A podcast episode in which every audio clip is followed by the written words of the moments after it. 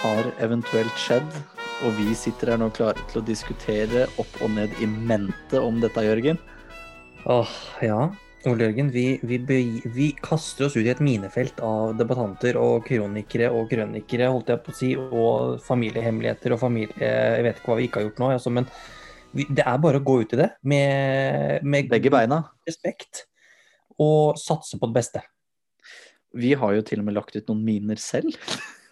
Eh, vi har jo altså, vi, har tok oss, vi tok oss en frihet, vi gjorde det. og Vi har skrevet en artikkel, og den er veldig moro at folk har engasjert seg på det. Eh, både positivt og negativt, og kommet med kritikk og ros og tjo her. og Det er jo utrolig positivt for oss.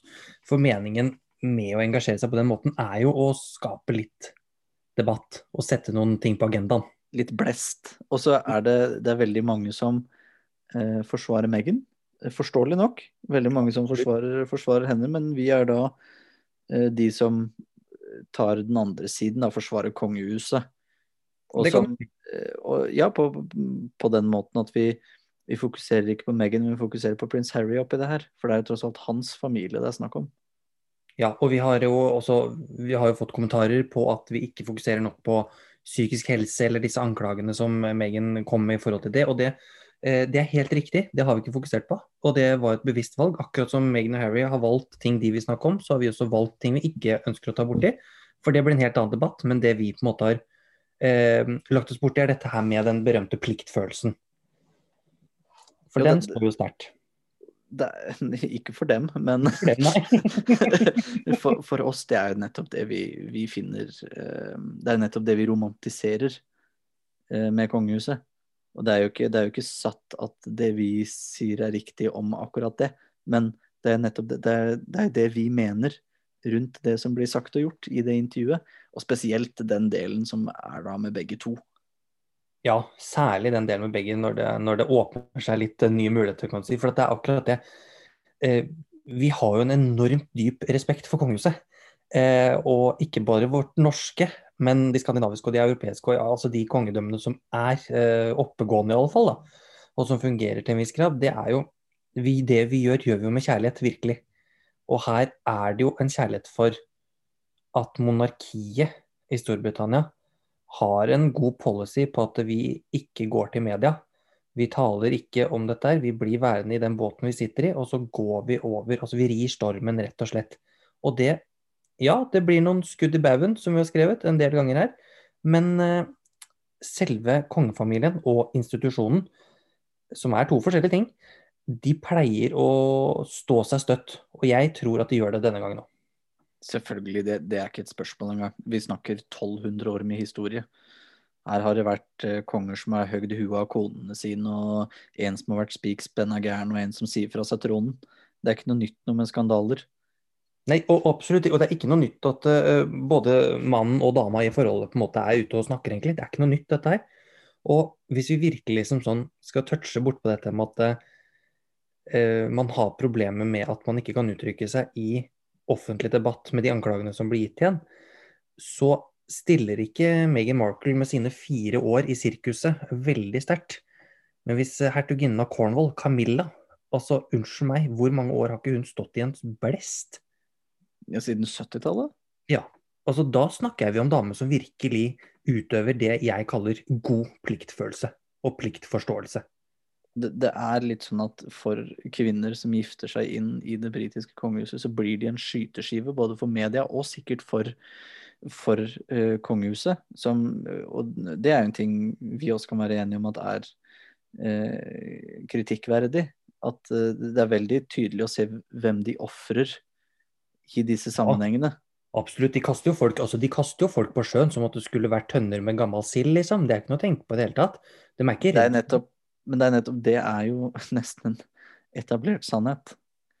Og eh, det som Nettopp det du sier med at uh, det er ikke hverdagskost at eh, noen britiske kongelige går ut og prater, er jo nettopp det som jeg finner mest urovekkende og det frekkeste med det intervjuet. Det som Harry, prins Harry gjør, er det at han veit veldig godt Han er vokst opp i det sirkuset der.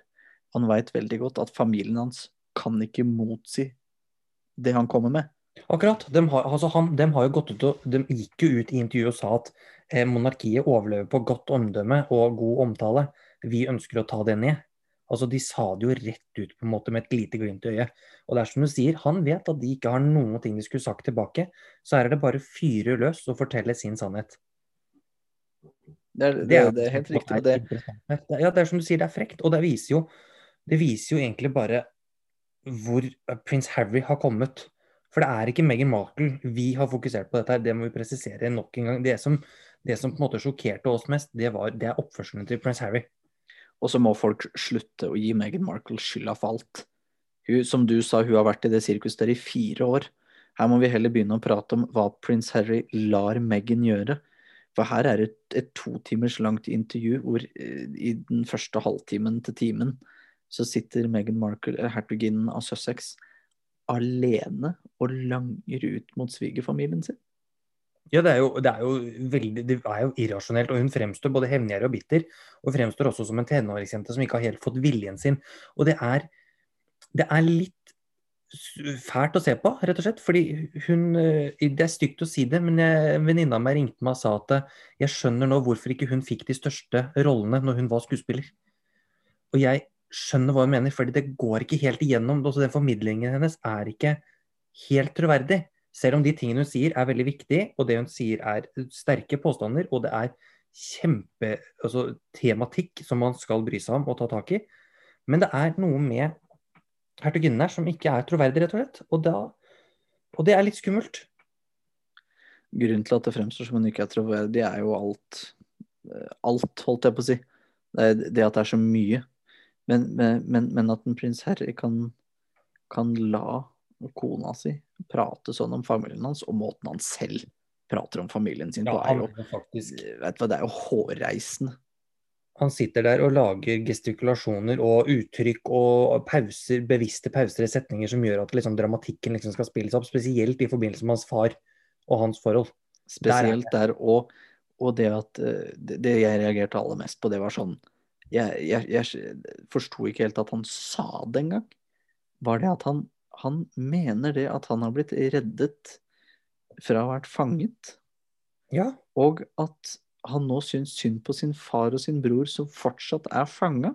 Og det morsomste på det som han spilte videre på, det var at han nå drev med opplæringa di. Det syns jeg var ganske artig.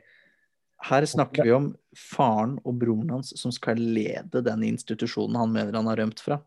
Ja, ja, ja. Dette er altså så høl i huet. Men det at prins Harry nå sitter og sier at han ønsker å liksom opplyse og opplære far, sin far, altså prins Charles, da, hertugen eller fyrsten av Wales, og uh, hertugen av Cambridge, uh, William, det er jo Det er, uh, det er ganske spesielt at han nå på en måte har funnet seg en ny vei, kan du si, og fått sikkert noen innsikter fra en amerikansk, eh, et mer amerikansk ståsted. Og fått noen ideer og tanker som han syns er gode, og det er helt ålreit, det på en måte. Men det at han nå da skal belære sin far og sin eldre bror eh, i hvordan man skal se på institusjonen og hvordan det britiske monarkiet skal være, det, det blir skivebom, rett og slett. Han er nummer ni i arverekken, og den plassen der bør han innebefinne seg med. Ja. Han blir, han, har, prinsen blir nå en ny hertugen av Windsor. Ja, han blir faktisk det. Han har jo blitt sammen med en amerikansk dame, og de har trukket seg tilbake. Det er, det er Historien gjentar seg. amerikansk fraskilt dame. Ja, det var det det var. Hun her er vel bare skilt én gang. Hun forrige var skilt to, var det ikke det? Nei, tre ganger, tre. jeg. Tror hun hadde tre menn i livet eller et eller annet sånt. Det var det hertugen av Nei, biskopen av Canterbury reagerte på. Men der, det, han får jo samme type rolle. Det er som han sa, at han er redd for at historien gjentar seg. Og ja, den gjør det, men ikke sånn han hadde sett for seg. Nei, og det også er jo den, de hinta som de har til Diana hele intervjuet. Ja, men det at han bruker moren sin på den måten, altså han kaster mora si ut i medielyset nok en gang. Kan ikke hun snart få hvile i fred? Ja, men også, helt ærlig, det her er dårlig gjort overfor William. Det er også hans mor. Og her sitter lillebror Preservi og kaster hun ut i medielyset nok en gang. han prøver jo å bruke det til sin fordel. Og det skinner gjennom at det er så konstruert og så regisatt at du kan jo nesten bli kvalm. Tenk å bruke et annet menneske, et avdødt menneske, på den måten. Det, det ble forkastelig, rett og slett. Men det er jo det er nettopp det de har fått Spesielt prins Harry, da, fordi at uh, Williams uh, hva er det du skal kalle det, eskapader som ungdom med vill festing og sånn, har jo blitt dyssa ned. Og så har på en måte kompromisset vært mellom tabloidavisen og slått at de har fått Harry sine uh, festehistorier ikke sant, med dette hakekorset på armen, ikke sant. Ja, en liten tur til Vegas, var det ikke det? Jo, festing, kledd seg ut som nazioffiser, alt det greiene der har avisene fått fordi at de skulle unngå å skrive om den neste kongen. Ja, og det tror jeg på. Jeg tror og det er nok Jeg kan forstå at du er bitter over den, men jeg kunne tatt en kule for brutter'n, liksom. Ja, men gjør man ikke det når man, altså Det er som de sier, det er institusjonen her. Institusjonen de, de har et mål, det er å spille opp sine gode kandidater. Og så skal de på en måte trekke de andre litt unna. Og Det sier de også i intervjuet, at eh, de har jo ikke gått en ny vei. Meghan Markle, altså Hertugen og hertuginnen av Sussex de har jo ikke tråkka en ny sti i kongefamilien. For de har bare ønska å trekke seg litt lenger unna. Altså ikke være senior royals, altså overordnede kongelige, men litt sånn juniorligaen, liksom. ja, de, de vil være sånn som de andre barnebarna til dronning Elisabeth. Ja, og fetteren og kusinene hennes. Og også, Ja. også hertugen av Kent og hertugen av Gloucester, eller hvordan man sier det greiene der. Gloucester. Der har hun. Eh, og de, de spiller jo på en måte en mindre rolle. Og det var jo det de ønska seg. Men forskjellen her er jo hvordan de har gått fram i det arbeidet med å trå tilbake. Det er jo det som er det som har gått gærent her. Altså, Jeg skjønner at de ønsker å tråkke tilbake. Jeg ønsker at de Jeg ser at de ønsker å på en måte eh, ikke være midt i eh, spotlighten. Og det har de jo på en måte fått beskjed om siden jeg vet ikke, for 10-15 år siden, når prins Charles sa at vi skal slanke kongefamilien, på en måte. Så var jo det, ligger det i det at prins Hen, altså Harry ikke kommer til å ha en fremtredende rolle. Så det er helt forståelig, at, og det har ligget i kortene lenge, at de skal trekke seg tilbake. Men det var måten de gjorde det på som ble Det ble bare feil rekkefølge, og alt ble gærent. Så jeg sitter igjen med et inntrykk at de har rota det skikkelig til for seg sjøl. Så absolutt, det er, det er jo ikke tvil om. Men det er jo, det er jo trist at Santa Barbara skal bli, bli det nye Palace de Bois. Det, Ja, for de som ikke vet hva det er, hvor er det? jo, det var jo da det, det slottet som hertugen av Windsor eh, leide i, utenfor Paris. Ja. Der han bodde da fram til han døde i 1977. Noe i den 1973. Han var 77 år gammel iallfall. Det er, ja, det, men det at, bare det at eh, det også veldig, det også er jo veldig morsomt, og det er det flere som har kommentert også, er at her sitter de i et eh, forgylt gullpalass i, på nytt. Eh, en, altså, de sitter jo på en måte i et eh, så de sitter jo i et bur fortsatt. Bare i Amerika, og med litt andre forutsetninger for hva de får lov til å gjøre og ikke gjøre. Det blir på en måte vanskelig å kjøpe historien om at de har det helt forferdelig. Du, du, kan ikke Det at de har det intervjuet fordi at de vil unngå så mye medieoppmerksomhet, det er litt som at vi skal bore i Lofoten og Vesterålen for å redde miljøet. Ja, ja, ja. Men, og det er jo som vi skrev i eh, teksten også, altså de kaster jo sten i speilsalen på Versailles. De fyrer av kanoner i speilsalen i Versailles. Altså, de, de, de er også så freidige nok til å si at de ønsker seg et liv utenfor søkelyset, og så stiller de opp på intervju med Oprah Winfrey, som er per def den største globale verdensstjernen når det kommer til talkshows, og intervjuer med ja, både den ene og den andre. Og Oprah Winfrey, det er jo ikke første gang vi intervjuer kongelige som har trukket seg fra, sant, fra Buckingham Palace. Det Du fant jo et interessant blikk, eh, klipp. Altså, vi har jo kikka på, eller jeg har kikket på, eller vi har det for så vidt begge to, vi kikka på et intervju som hun gjorde i, på slutten av 90-tallet Var ikke det med 96? Jo, 96, ja. Ja. Med Sarah, eh, hertuginnen av York, altså tidligere kona til prins Andrew, som bor sammen med prins Andrew fortsatt. Veldig spesielt forhold akkurat det der. Men de hadde et forhold, eller nei, de hadde ikke, de hadde et intervju. Intervju eh, Oprah Winfrey og Sarah Ferguson. Og tonen der er helt annen. Der viser jo Oprah at hun faktisk er interessert og prøver å være litt kritisk og prøver å litt forstå hva er det som egentlig har skjedd her, hvordan skal du være. Også det som er største forskjellen på hertuginnen av Sussex, Meghan Markle, og hertuginnen av York, Sarah Ferguson, er at Sarah Ferguson hun kan alle spillereglene. Hun har fått god opplæring av sin mann, prins Andrew. Hun har fått god opplæring av den kongelige familie ellers og institusjonen, og vet akkurat hva hun skal gjøre, og hvordan hun skal gjøre det. Og hun skjønner at her er det faktisk ikke noe poeng å utfordre dette, for det gagner ingen. Det, det, det er som vi har skrevet, det, er- det er en mangel av rolleforståelse. Ja, det er akkurat det der. Det er, de, de sliter med å forstå rollen sin i dette her. Og det, jeg skjønner at det er problematisk, jeg kan se det, men prins Harry han har vært i dette her i alle år. Han har visst de store linjene i veldig mange år. Det her kommer ikke som en overraskelse på at det blir mye medieoppslag. Det kommer ikke som en overraskelse at det blir trøkk. Og det kommer ikke som en overraskelse at det er, blir noe å stå i. Men vet du hva, det har, det har faktisk alle sammen gjort, på en eller annen måte. Med ulik problematikk og ulike tematikk. Og så er det, det er vanskeligere eh, for et menneske som blir del av kongefamilien, enn for noen som er medlem av kongefamilien. Absolutt. For der er det på en måte den som gifter seg inn, er fritt vilt. Ja. For det er jo kongehuset har ikke noe interesse av det frem før de er gift, på en måte. Og det kan gjerne hende at det er en ildprøve at liksom At, at uh, de tester det ut. Hvor, hvor, hvor mye tåler dette mennesket? Skulle nesten tro det var en del av de Balmoral- Balmoral-testene, liksom. At de skal gjennom Selvfølgelig. Det er liksom the Buckingham, the Buckingham Prison Test. Ja, det er helt klart. Det er- Stanford Prison Experiment, og så er det The Buckingham Palace Prison Experiment.